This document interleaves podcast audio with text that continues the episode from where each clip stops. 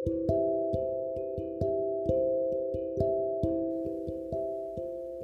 akan pernah ada waktu yang tepat. Mulailah di mana pun kamu berada. Apa pun yang kamu miliki, itu lebih baik.